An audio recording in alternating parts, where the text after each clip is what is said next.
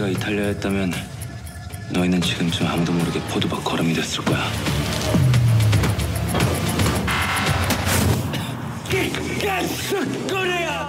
밀라노 수제 양복장인 브랄로가 만든 진짜 미친 것 같아. 오직 300억 정만 하는 거죠. 제 경험상 다른 이유가 있는 거죠. 이렇게 오버하게 할 만한 무언가. 도대체 왜 이렇게까지 무모한 겁니까? 그게 내 운명이니까. 네 모가지 꺾는 거는 손가락에 힘도 안 들어가니까 난 반드시 이 건물을 되찾을 거고 니들 모두 대가를 치르게 할 거야.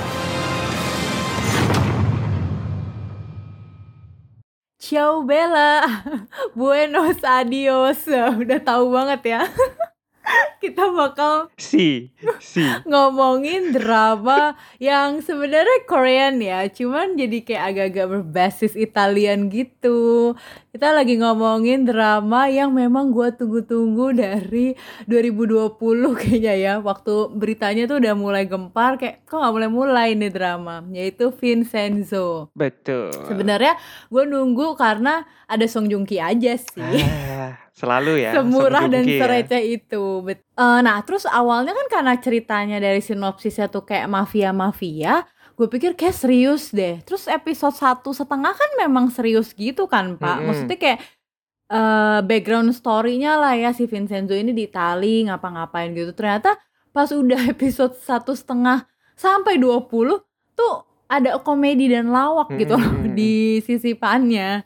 Ya sebenarnya habis itu pun nggak ada scene di Itali lagi ya. Semua di Itali hanyalah scene-scene Bener, flashback bener. gitu. Cuma yang episode perdana aja gitu. Bahkan kita udah sebenarnya dapet scene-scene lawak kan dari sejak Vincenzo tuh nyampe di titik Korea gitu. Jadi seriusnya memang cuma di Itali doang gitu. Begitu sudah pulang ke Korea tuh yang bener-bener langsung kejadian lawak di mana dia dirampok lah, ya kan? Sama detektif Mm-mm. Gomuchi yang ada di mouse kan. Terus eh, maksud gue Vincenzo itu kan pinter banget ya Tapi ketipu sama tipuan receh supir taksi itu kayak super lawak sih menurut gue Ya mungkin beda ini aja sih kayak eh, beda culture ya. Mungkin kalau di Itali kan nggak ada lah yang nipu-nipunya model kayak gitu. Dia kan kehidupannya lebih grand gitu kan, konselier kan, konselet gitu. Corn salad, ya ya ya. Ternyata pulang hari pertama kayak gitu Sama eh, Dia kan Mm-mm, ya sebenarnya kan pulang kayak agak itu mungkin culture shock ya di Iya Korea kaget ternyata ya kok receh gitu tuh supir taksi yang kayaknya agak premium aja bisa nyopet gitu. Bener-bener Nah sebenarnya kepulangan si Vincenzo ini kan untuk vis, eh, visi lagi Untuk misi eh, mencari emas ya Mm-mm. yang ditaruh sebenarnya di yang namanya tuh Gemga Plaza gitu. Iya. Nah, terus Nah, eh, sebelum mm, maju dulu nih, sebenarnya menurut lu kalau setelah nonton full Vincenzo ini ya, Gemga Plaza itu tempat apa sih sebenarnya? Itu kayak ITC gitu gak sih, Pak? Soalnya gue bingung itu mereka tinggal di situ kan. Habis itu Oh, jualan oh juga di iya situ. sih. Tapi selama 20 episode kita nggak melihat ada yang lalu lalang untuk beli gitu loh. Itu sepi-sepi aja tuh plaza. Maksudnya mereka dapat duit dari mana? Apalagi yang ini kan yang resto Itali itu kan bahan-bahan makanan Itali pasti mahal ya. Tapi kayak Tapi kan semacam bu- uh-uh. kok dia tetap bisa hidup dengan fancy terus gitu. Tapi kan bukannya eh, trafficnya menurun karena ada isu untuk pembangunan ulang ya di Gemga. Plaza itu. Justru semakin aneh karena ada kondisi pembangunan ulang eh, yang bikin mungkin orang-orang jadi nggak pada datang ke sana gitu kan ya. Tapi mereka tuh tetap beroperasi secara penuh. Normal lah. heeh. Mm-mm, terus berbulan-bulan sepanjang kita nonton Vincent itu kan kayaknya kondisinya tidak sebentar ya, nggak cuma berapa hari. Kayaknya ada momen-momen memang Berbulan timelinenya tuh kan. berbulan-bulan gitu. Tapi mereka Mm-mm, hidupnya mm-mm. santuy-santuy aja gitu. Sepertinya tetap baik-baik saja. Yang punya apa namanya pawn shop juga hidupnya makmur-makmur aja. Terus yang punya laundry juga kayaknya kok aman-aman aja. Bayar listrik, bayar air juga lempeng gitu. Yang gue bingung ini tempat apa sih kok sepi-sepi aja tapi orangnya makmur-makmur gitu. Iya sih, soalnya memang kita kan nggak disuguhkan ada apa ya kayak penghuni lain lah ya di sana, even di apartemennya kecuali ya yang itu-itu kan, maksudnya yang bener-bener Mm-mm. member Gemga Plaza kan. Even though yang baru masuk pun yang si itu ya Park Park Park Duksu yang bekas preman ya, tikus gemga. Mhm, betul. Kayak itu doang gitu loh. Terus yang Ya lain kayak itu nggak ada si Pak wujudnya. Duksu pun kan sebenarnya masuk ke Gemga bikin usaha Bye Bye Balloon itu Bye kan. bye. Iya. iya. Dan dia begitu masuk ke Gemga tuh langsung bisa survive gitu loh. Padahal kan sepertinya dia terlantar dengan kondisi yang kayak nggak punya uang gitu banyak-banyak amat gitu kan. Bisa bikin usaha balon Mm-mm. udara. Maksudnya akal sehat mana yang lu bangkrut abis itu lu bikin usaha balon udara gitu. Terus di akhir kita dapat lagi informasi kalau dia sudah berhasil menerbangkan puluhan orang. Ya berarti kan bisnisnya lancar ya sebenarnya. Iya iya iya. Eh, mungkin eh, kayak ngepet ya. Jadi kayak nggak diketahui tapi lancar gitu penghasilannya Kita nggak kan. pernah lihat juga ada orang datang ke situ ya pernah ada satu kali atau dua kali lah gitu. Yang paling yang pemilik museum itu doang kan yang kita ngelihat transaksi ya. Eh, udah Habis itu itu nggak ada doang. lagi, iya nggak ada lagi. Tapi kok Bener mereka bener. berhasil menerbangkan puluhan orang dengan dua ternyata menghilang entah ke mana gitu. Bener bener bener bener. Nah, tapi sebelum kita masuk ke story ya, sebenarnya emang si karakter Vincenzo ini kan digambarkan sebagai kayak yang berkarisma gitu ya, yang otaknya tuh jalan banget, semua problem kayaknya dia Mm-mm. solving dengan baik tanpa ada cacat gitu loh, kayak semuanya tuh mulus ya. Mm-mm. Even waktu dia ngelawan Babel juga ya ada sih pada akhirnya dia flop juga di akhir tapi udah sedikit doang habis itu Mm-mm. lebih banyak Babel yang flop gitu loh Benar. daripada si Vincenzo Iya, itu kayak mulus banget perjalanannya tapi ya eh, kemulusan itu justru bikin gua merasa jadi kekurangan di drama ini gitu. Mm-mm, Malah betul menurut gua betul kenapa si Vincenzo ini kok overpower banget gitu. Pada kesannya Mm-mm, kayak setuju setuju seakan-akan kalau lu udah punya posisi atau punya knowledge dan juga koneksi dari negara Eropa tuh lu begitu datang ke Korea tuh lu bisa jadi sekuat itu, bisa bahkan menghancurin satu perusahaan besar gitu kan, big corporation Hmm, sendirian gitu. Ini kan sebenarnya Hong Chayong posisinya lebih kayak bantuin Vincenzo doang kan. Lebih iya ke support majority aja tuh majority semuanya action dan juga connection dan segala macam strateginya tuh ya Vincenzo yang bikin gitu ya. Itu yang bikin gua benar merasa benar aneh sih. Makanya kan ada di satu titik eh, episode belasan gitu. Yang sepertinya jarang terjadi ya sama gua di mana gua yang bosen dibanding lu. hmm Gue bosen banget nonton ini ya. Kalau nggak salah itu ke 12 sampai 6 15 atau 16 itu tuh. Itu yang gue oh boring banget. Kayak gue bener-bener lambat gitu. Eh, nontonnya tuh kayak antara pengen nggak pengen. eh Tapi semenjak eh, Jang Han Sok itu udah mulai menggunakan trik-trik yang lebih brutal. Yang dia sudah mulai hmm tahu ya kalau menggunakan orang yang paling disayang tuh bisa jadi kelemahan buat si hmm Vincenzo itu. Nah itu tuh mulai seru lagi. Tapi semenjak yang dia overpowering menang menang menang terus dan diulang-ulang terus repetisinya seperti itu tuh yang menurut gue malah jadi monoton dan gue boring banget sih. Eh, iya sih, gue juga setuju sama lo kalau misalnya si karakter Vincenzo ini memang terlalu overpowering karena eh, sepanjang perjalanan cerita tuh dia menang terus gitu kan. Tapi karena gue di sini bi Mm-mm. bias banget ya, jadi gue seneng-seneng aja Vincenzo menang Iya. gitu loh ya itu. Tapi gue juga merasa sama kayak kok nggak ada flopnya sama sekali ya kayak gila nih orang tuh buat rencana 100% pasti perfect gitu loh didukung sama yang lain. Jadi ya ya Babel kan juga nggak yang bodoh-bodoh banget kan koneksinya tuh mungkin sekorea gitu Eh, Bener. dari kejaksaan dari petinggi dewan gitu Nah pejabat itu. tapi kalah aja gitu loh Iya. sama si Vincenzo Nah emang itu juga itu. gue sempat wondering sih Maksudnya kan si Babel ini bahkan disupport dengan satu mungkin lawyer agency gitu kan yang cukup besar yang namanya Wusang itu kan. Musang yoi yoi dan dia juga di didukung sama kayak jaksa yang mungkin ya semi-semi kotor tapi kan ini jaksa sebenarnya punya reputasi tuh bagus banget gitu si Choi Myung Hee itu oh kan. iya kan dong disupport Tato bener jadi yang Zumba yang ya. support itu ya yang kerjanya Zumba terus ya. Itu tuh tapi kan dia maksudnya supportnya tuh banyak sekali dan kuat-kuat juga bukan support yang receh-receh gitu. Dan ini kan big corporation ya terus Hmm. seperti pada saat melawan Vincenzo tuh gue menangkapnya kok kalian seperti nggak belajar ya eh, Mm-mm. dengan kondisi yang sudah-sudah gitu maksudnya lu udah gede eee, lu dan lu punya power gitu dan ini nih orang asing anggapannya sendirian, dia nggak punya koneksi apa-apa juga di Korea tapi lu seakan-akan nggak nggak bisa menemukan cara untuk ngalahin dia. Kalau gua nih ya, kalau gua misalkan jadi Jang Han-sok gitu, ya gua Hmm. sewa sniper lah gitu, Mmm, langsung tembak aja itu dia di ini kos-kosannya. Vincenzo lagi minum wine gitu di pinggir lagi ngasih makan Inzaghi, tembak aja selesai gitu. Kenapa nggak ada kepikiran menggunakan senjata gitu loh, padahal ini kan lu juga udah sebusuk itu Iya iya maksudnya. iya, Han-sok kan ya Jang Han-sok emang udah sangat busuk ya.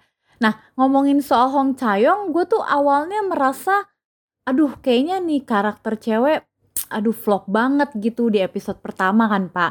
Terus gue kayak mikir, anjing jangan sampai. Dia tuh kayak apa ya drama yang gue tunggu-tunggu kayak startup. Dulu kan gue tunggu-tunggu ternyata enam dosannya kayak gitu gitu loh. Nah ini jangan sampai drama yang udah gue tunggu-tunggu Hong Cha-youngnya kayak gitu. Tapi eh, development karakter dia semenjak bapaknya meninggal itu jadi beda banget gue jadi langsung ngefans gitu loh sampai akhir itu kayak beda banget sama yang waktu dia di awal tuh semenjak bapaknya meninggal. Nah menarik nih, karena lu Kenapa? ngomong karena lu ngomong tiba-tiba muncul startup, sebenarnya startup juga jadi jadi benchmark gua untuk drama ini. Justru feeling Oh. gua adalah Mhm. apa yang terjadi sama lu di startup. Maksudnya? Di Vincenzo ini. Jadi lu overhype Oh, kan, oke. karena gue juga Iya iya berharap gue overhype terutama karena li banget. 5, 6 episode pertama tuh memang gue merasa, "Oh ini oke nih, bagus nih." Tapi ternyata ke belakangnya kok Mmm. gue merasa banget tuh yang gue bilang tadi gue mulai boring adalah, "Gila nih Mhm. overhype banget ini drama." Gitu, memang Mmm, jual. Gue mulai ada di titik momen-momen tuh yang merasa, ini mah jual Song Joong Ki doang gitu. Ya dong, Tapi pastilah. pas terakhir-terakhir tuh kan udah mulai yang ada brutalistinya, ada fatality segala macem, itu tuh Mmm. yang udah mulai di wrapping-nya sih menurut gue bagus gitu. Cuma yang di episode-episode 3/4 terakhir aja sih yang menurut gua menjatuhkan ekspektasi gua yang udah tinggi banget, bener-bener ambruk banget gitu. Atau karena dia di-extend nggak sih jadi 20 episode? Mungkin kalau 16 lo nggak mungkin bisa aja nggak se-boring itu nggak sih? Atau ya nggak tahu juga ya, eee, gimana Ya bisa bisa jadi sih, karena kan sebenarnya yang bikin boring adalah terlalu banyak repetisi, sehingga membuat kita merasa kok sepertinya si Babel ini tidak belajar gitu. Iya Ya kan? iya. Bener Harusnya kayaknya kita merasa harusnya si Jang Han-sok ataupun si Cho Myung-hee ini sudah mulai menyadari kalau kayaknya mereka harus menggunakan Hong Cha-young deh untuk menyerang Vincenzo gitu harusnya udah sadar dari lebih awal gitu Kepikiran. menurut gua. mhm. Tapi bener-bener di titik terakhir banget dan itu juga ketahuannya nggak sengaja kan sama si Jang Han-sok lagi ngobrol, lagi minum-minum, terus dia bilang, "Gua harus menemukan kelemahannya Vincenzo nih." Terus, Mmm. eee, Cho Myung-hee bilang kan, biasanya sih kelemahan tuh adanya di sama keluarga Keluarga, gitu. Nah mhm. kan tapi si Han-sok ini kan tidak relate ya memang dengan Mhm. hubungan antara keluarga ini, makanya dia bingung, "Oh, keluarga itu bisa jadi kelemahan ya?" Gitu. Nah itu tuh kenapa nggak ada kepikiran untuk nyerang orang terdekatnya Vincenzo gitu loh, sampai akhir Mmm. banget. Iya, sampai akhir banget akhirnya Hong Cha-young diculik kan baru episode 19 kan ya? Mhm, yang Heeh, dia di akhir diculik kan. banget. Iya iya, akhir banget. Bener juga sih kata Padahal lu. kalau sebelum kalau sebelum Han-sok itu ditangkep, akhirnya harus masuk penjara, mereka udah menggunakan rencana itu, menurut gua twist-nya jadi lebih banyak sih. Mmm, mhm mhm.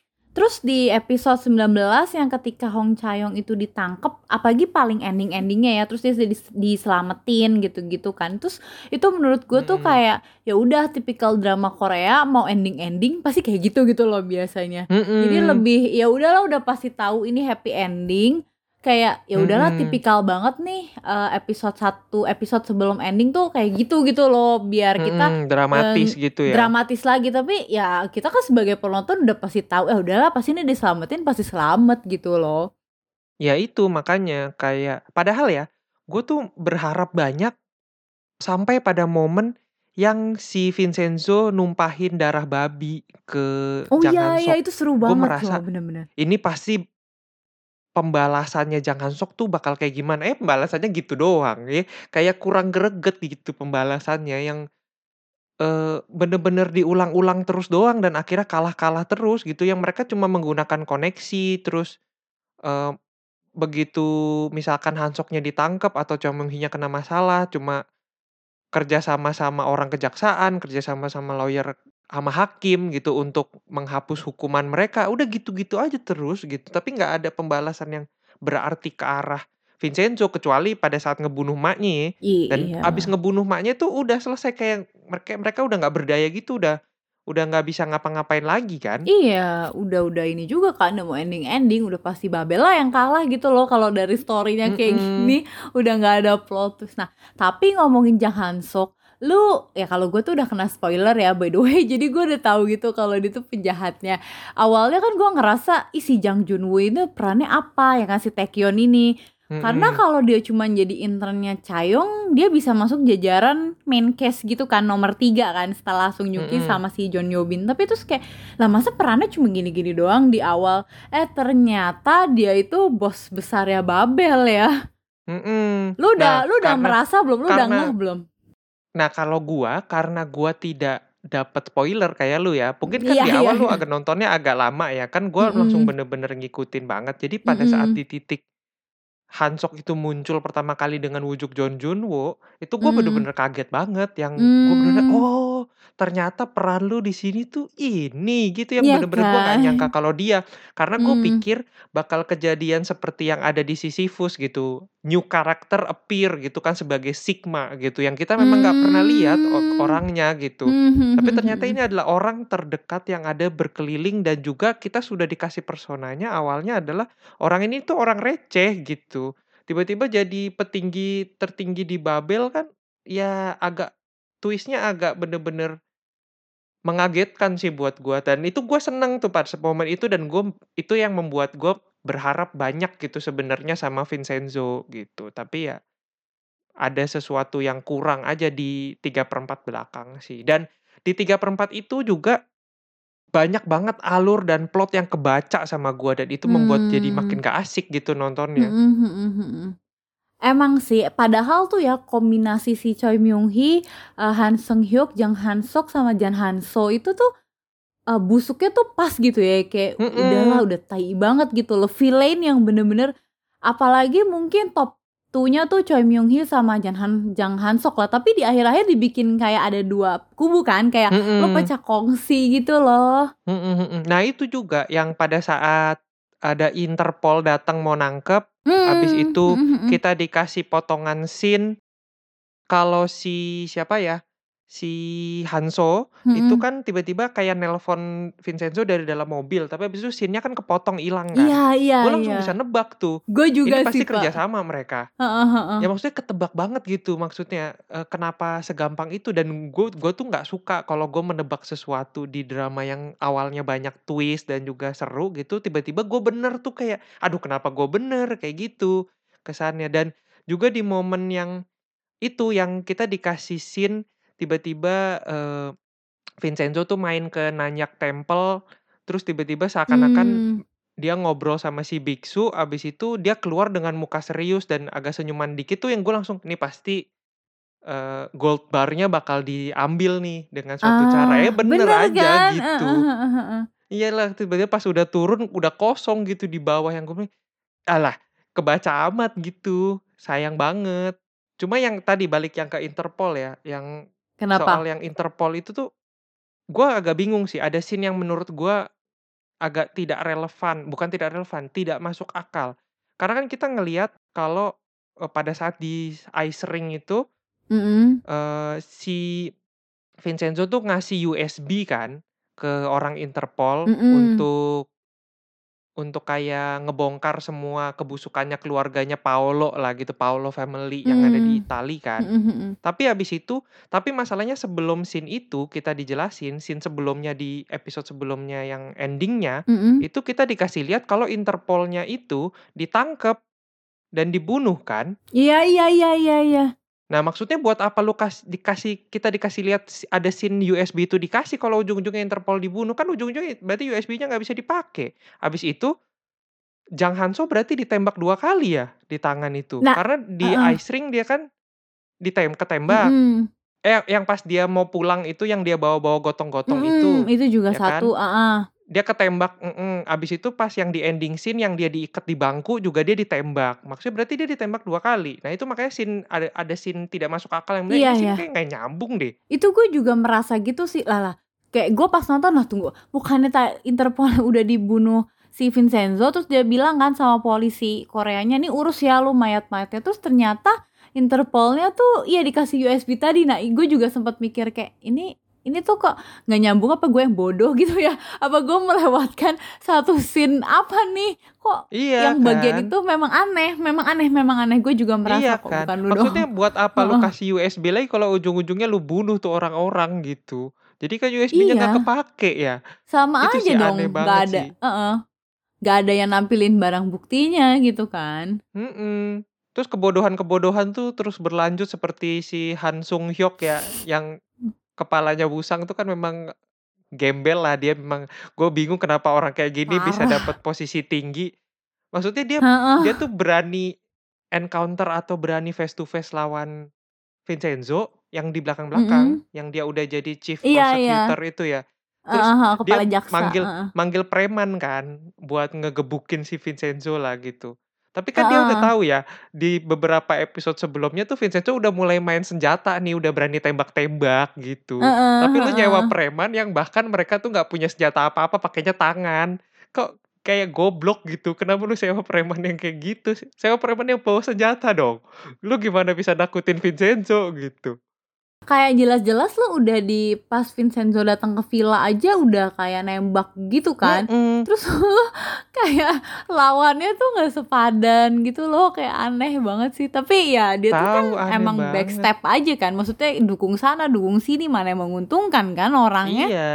Ya cuma maksudnya logika berpikirnya itu loh lu eh, prosecutor kepalanya gitu, kepala jaksa gitu. Hmm. Masa hal simple simple logic tuh kayak gitu tuh nggak bisa kepikiran gitu loh. Kan lu udah ngeliat ya Vincenzo di depan mata lu nembak kepala orang nih. Mhm Gitu, tapi lu nggak kepikiran kalau lu ketemu dia dia bakal bawa pistol apa gitu. Kenapa lu nyewa preman? Ya memang jumlahnya banyak, tapi mereka kayak nggak bawa senjata buat apa? Ditodongin pistol juga takut gitu. Iya. Eh, by the way, nah ini kan kita masih ngomongin ranah yang si villain ya. Menurut lo mereka tuh eksekusi matinya gimana dari Hang Han Seung Hyuk, eh, Ibu Zumba dan Ibu juga Jang Zumba. Han Sok. Maksud ek maksud lu eksekusi nih di ma maksudnya yang mana nih? Gimana? Yang pas mereka mati loh, kan kalau Han Seung Hyuk itu kan sebenarnya matinya karena Jan Jang Han Sok Oh, ini oh kan nyuruh eksekusi tembak, maksudnya eh tembak lagi. Apa sih? Ditusuk dari depan sama Mhm. belakang gitu kan. Mmm, gua sih puas sih dengan eksekusi yang terjadi ke Myung Hee dan juga Han Sok gitu Iya, terutama ya. terutama Karena benar-benar. tipe-tipe orang yang kayak gini nih, maksudnya yang evil villain yang udah garis mentok begini ya, Mhm. itu tuh biasanya mereka nggak gitu takut mati gitu. Iya, karena emang udah Karena kan mereka tahu ya juga kan. mhm, mereka juga udah berharap kayak, "Ya udah lu tembak gua aja, gua langsung mati." Tapi Vincenzo tahu gitu, orang-orang kayak gini tuh kalau dibiarin langsung mati tuh sayang sekali gitu kan. Jadi Mmm. kita biarkan saja dia menderita gitu ya. Hmm. Nah si Myung Hee kan makanya ada kepuasan itu karena sebelum mereka mati tuh kita bisa melihat ada ketakutan yang teramat sangat dari wajah kedua orang ini gitu, dari Hmm. wajahnya Han Sok dan juga Myung Hee gitu. Yang pada saat Myung Hee udah mau dibakar, itu tuh Hmm. yang dia bener-bener takut banget kan. Terus juga pada saat Han Sok tahu kalau dia Mau tuh dibor matinya ya. baru bakal 12 Iya. baru bakal 12 jam kemudian gitu. Jadi kan khawatir ya gitu, gue bakal dibor selama 12 jam gitu. Eee, sebenarnya memang kalau misalnya mereka cuman mati kayak ditembak gitu kan, dor gitu, itu kan ya udah langsung mati gitu kan. Tapi dia nggak ngerasain penderitaan dari ya ya apa ya, selama ini dia berbuat apalah sama korban-korbannya yang gila banget gitu kan. Nah, terus gue baca nih dari salah satu akun kayak fanbase K-drama gitu. Jadi, eee, dia tuh mengartikan kematian mereka bertiga gitu loh. Ini seru sih, jadi gue bacain ya. Dari K-drama underscore right underscore oops. Ini nih harus dibacain soalnya Makasih loh informasinya ya. Oh iya Eh, dong. source-nya nih makasih. Soalnya kan a- ada source-nya kan, bukan gue yang buat. Mhm. Jadi eh, kalau Han Seung Hyuk itu kan matinya kan ditusuk depan sama belakang. Jadi katanya tuh Betul. eh jadi itu untuk backstabber gitu loh. Eh, artinya. Hmm, bisa. Terus kalau yang Choi Myung Hee kan Zumba. Jadi kalau di sini pakai bahasa Inggris sih, dia bilangnya a dance for the one who play with other people's lives. Ya, bener juga sih. Mm, mm, mm, mm. Nah, terus kalau Jang Han Sok kan di bor tadi berarti a hole in the heart for the one who didn't have a heart in the first place. Bagus juga ya cocok loginya. Ah, lucunya adalah kecuali yang Han Sang Hyuk itu, gue sebenarnya menangkap maksudnya si Vincenzo menggunakan eksekusi yang kayak gitu. Han Sang Hyuk gue nggak Hmm. nangkep sih. Kenapa? Ya karena bukan kayak Vincenzo gitu, yang nggak- bunuh juga kan. Kalau Sang Hyuk Iya. Terus kalau yang si eh, Myung Hee itu kan sebenarnya si Vincenzo juga udah ngomong ngasih clue ke kita pada saat masih di apartemennya Myung Hee kan dia bilang, "Gua akan biarin lu untuk Hmm, eh, menari, menari. sepuas Iya, lu." iya, Jadi pada iya, saat iya. Heeh, jadi pada saat dia terbakar tuh kan dia kayak panik bergerak-gerak tuh sep- kelihatannya seperti sedang menari gitu Iya, kan. benar benar benar. Nah itu.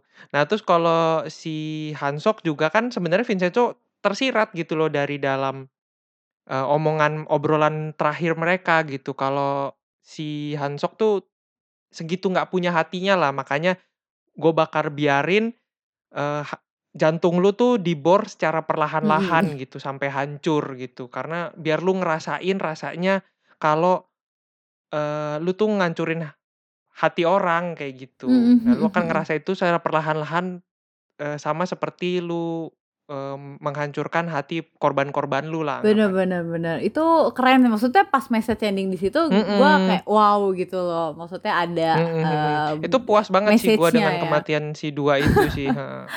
Nah, tapi kalau Jang Han So itu kan sebenarnya karakter developmentnya dari yang evil jadi kayak adiknya ini ya Vincenzo kan sebenarnya. Nah, lo setuju nggak sih kalau dia tuh ya dimatiin gitu karena ditembak kan dia?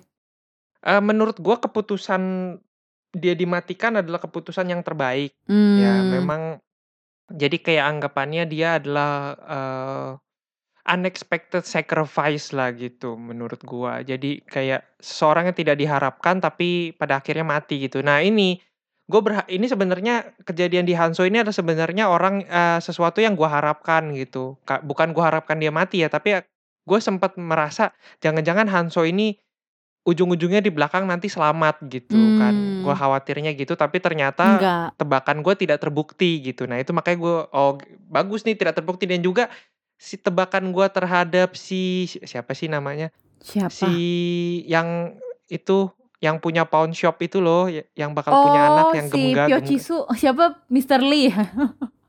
si Mr. Lee. Ya bukan Pio Chisu Iya si dong. Mr. Lee ya. Iya iya, yang Heeh, yang mati si Mr. kan. Lee itu gue gue tidak berharap dia hidup sebenarnya. Hmm. tapi tiba-tiba dia muncul di akhir bahkan ya pada saat dia ngegendong anaknya tuh gue pikir halu, Halu, tau gak sih gue pikir roh itu tuh tadi. banyak yang mikir kayak gitu pak. Jadi kan gue baca di kayak kolom komentar di IG gitu kan.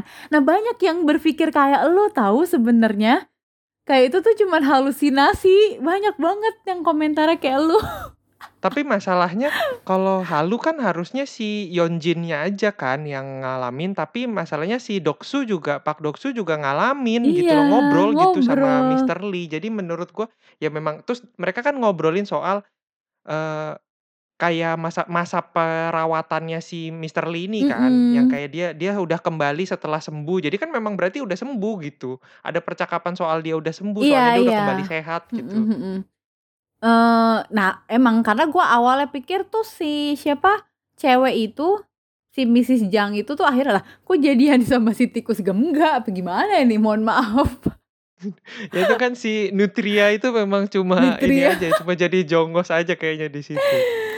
Jadi eh, selain main case yang tadi kita sebutin dan villain tadi tuh memang eh, member-member Plaza Gemga ini unik banget ya dan kalau favorit Mm-mm. gue tuh Pak Nam, Pak Nam sama Pak An sih. Gila itu Ya memang selalu ya itu yang lu favorit sebut-sebut gue terus ya. banget. Iya ya, kayak itu kocaknya tuh lucu banget gitu loh. Iya, ya, mem- ya mereka memang i- tapi lama-lama lu merasa nggak sih siapa sih yang ininya gue lupa lagi Yang namanya. mana? Oh, si Mr. Nam ini. Lama-lama cara ngomongnya tuh annoying gak sih? ya emang rada annoying sih. Cuman kan karena dia komedi dan lawak jadi gua ya lucu-lucu aja. pas di awal tuh soalnya pas di awal ya gue menikmati sekali cara dia ngomong gitu. Tapi mulai ke Hmm. belakang-belakang kayak aduh mulai gak, gak kuat nih tiap kali dia ngomong tuh seakan-akan dilebay-lebaykan gitu loh bener bener bener kalau Paan kan lebaynya dari yang kayak apa sih yang ada satu episode dia nyelamatin Vincenzo di penjara terus slow mo gitu kan kayak jaketnya Mm-mm. cus dikibar-kibar kayak apa anjir dia tuh selalu loh jaket di kibar itu tuh terjadi beberapa kali kan Iya iya iya.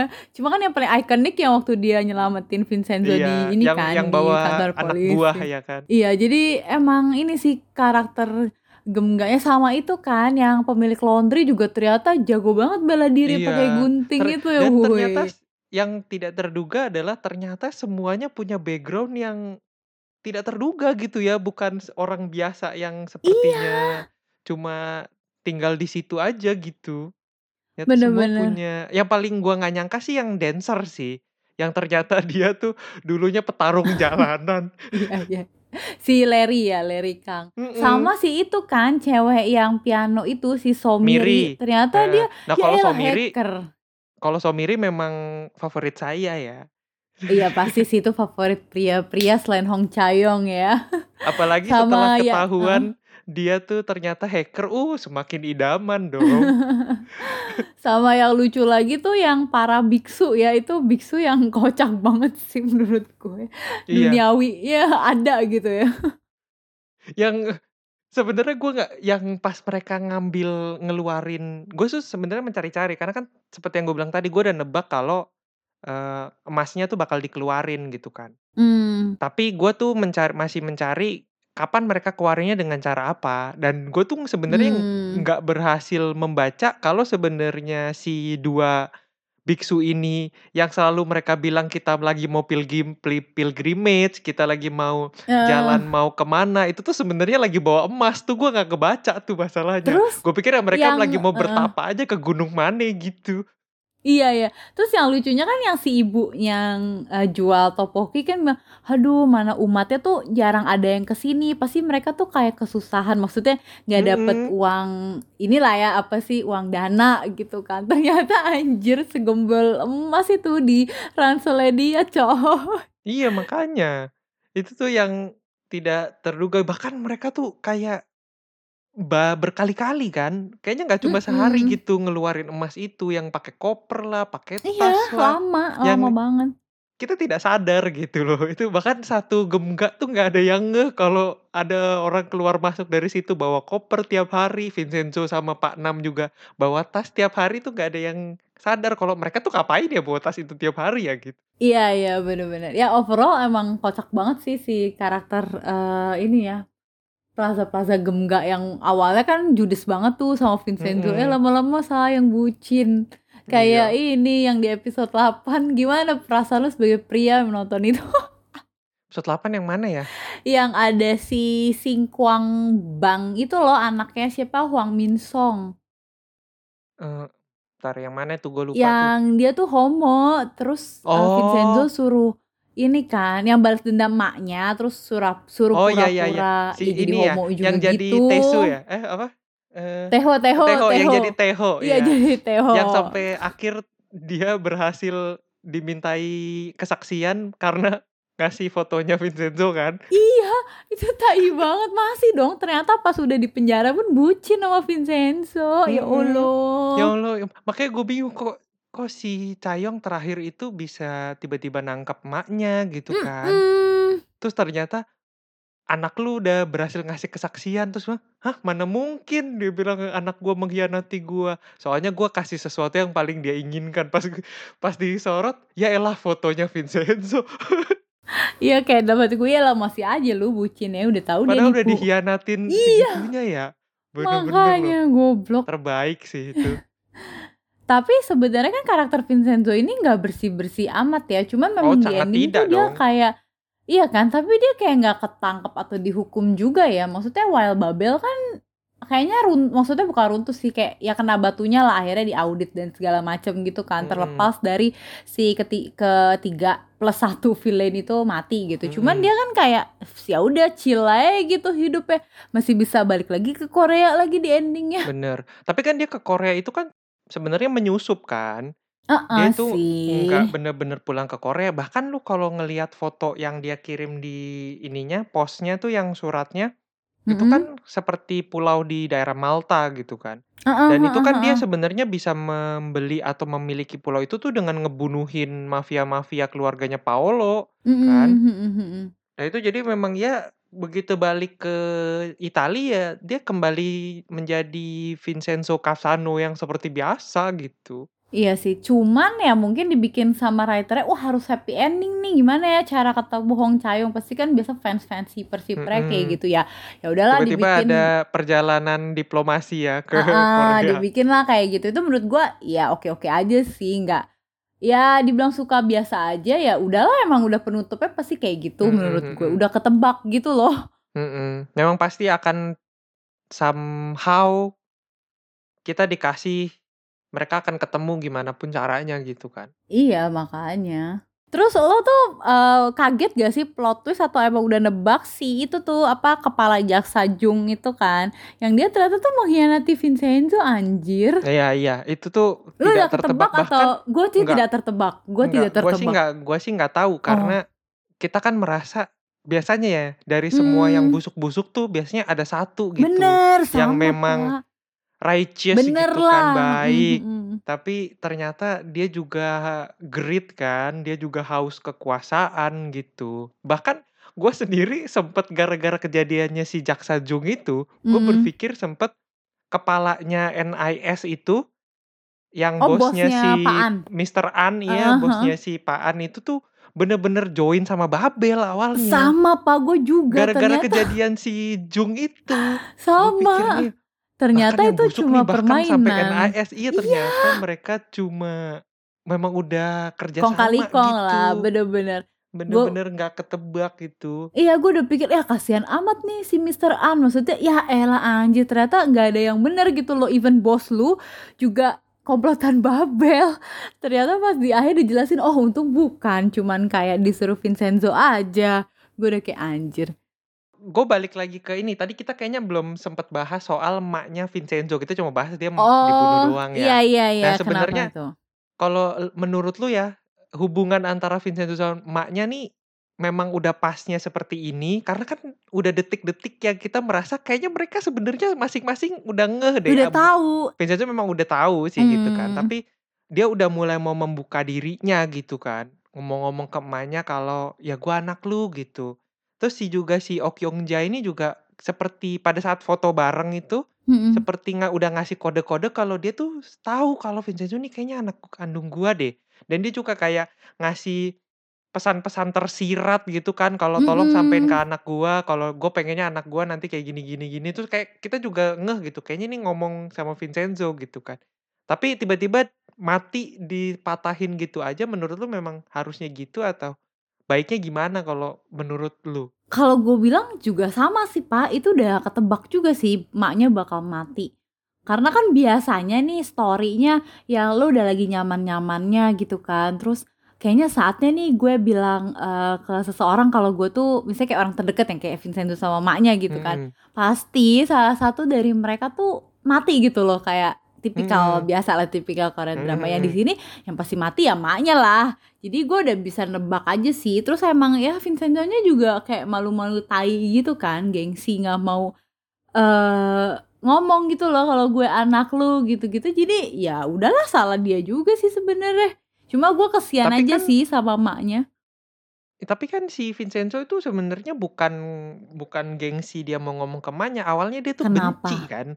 Karena salah paham pikir maknya memang nelantarin dia kan. iya Dan tapi itu kan tuh akhirnya baru udah terkuak. tahu Ya tapi kan Heeh. terkuaknya pelan-pelan gitu loh. Terus pada saat dia udah mulai terkuak-terkuak, oh ternyata maknya kayak gini, ternyata maknya kayak gitu dan bahkan nyariin dia gitu tuh. Hmm. Yang dia mau ngomong tuh kayak jadi selama ini gue yang salah gitu, malah dia yang merasa dia nggak pantas gitu. Jadi jadi oh halangan lagi gue sih nangkepnya gitu. Jadi malah merasa selama ini gue salah paham nih sama lu gitu kan sama mak gua nah Terus jadi kayak gue mau ngakuin gue anaknya tuh gue masih layak nggak ya karena selama ini gue benci sama dia gitu. Gue sih nangkepnya gitu. Itu yang bikin tidak jadi-jadi gitu. Oh, tapi kan ya ngomong aja kalau gua mah daripada lu menyesal gitu loh, kayak timing malu mungkin. Ya kan dia nggak tahu kalau tiba-tiba bakal dibunuh ya. Mikirnya kan maknya udah aman lah ada di rumah sakit Ya. tersembunyi gitu. Namanya juga lawannya Babel, coy. Kan kita nggak tahu ya apa yang dia perbuat.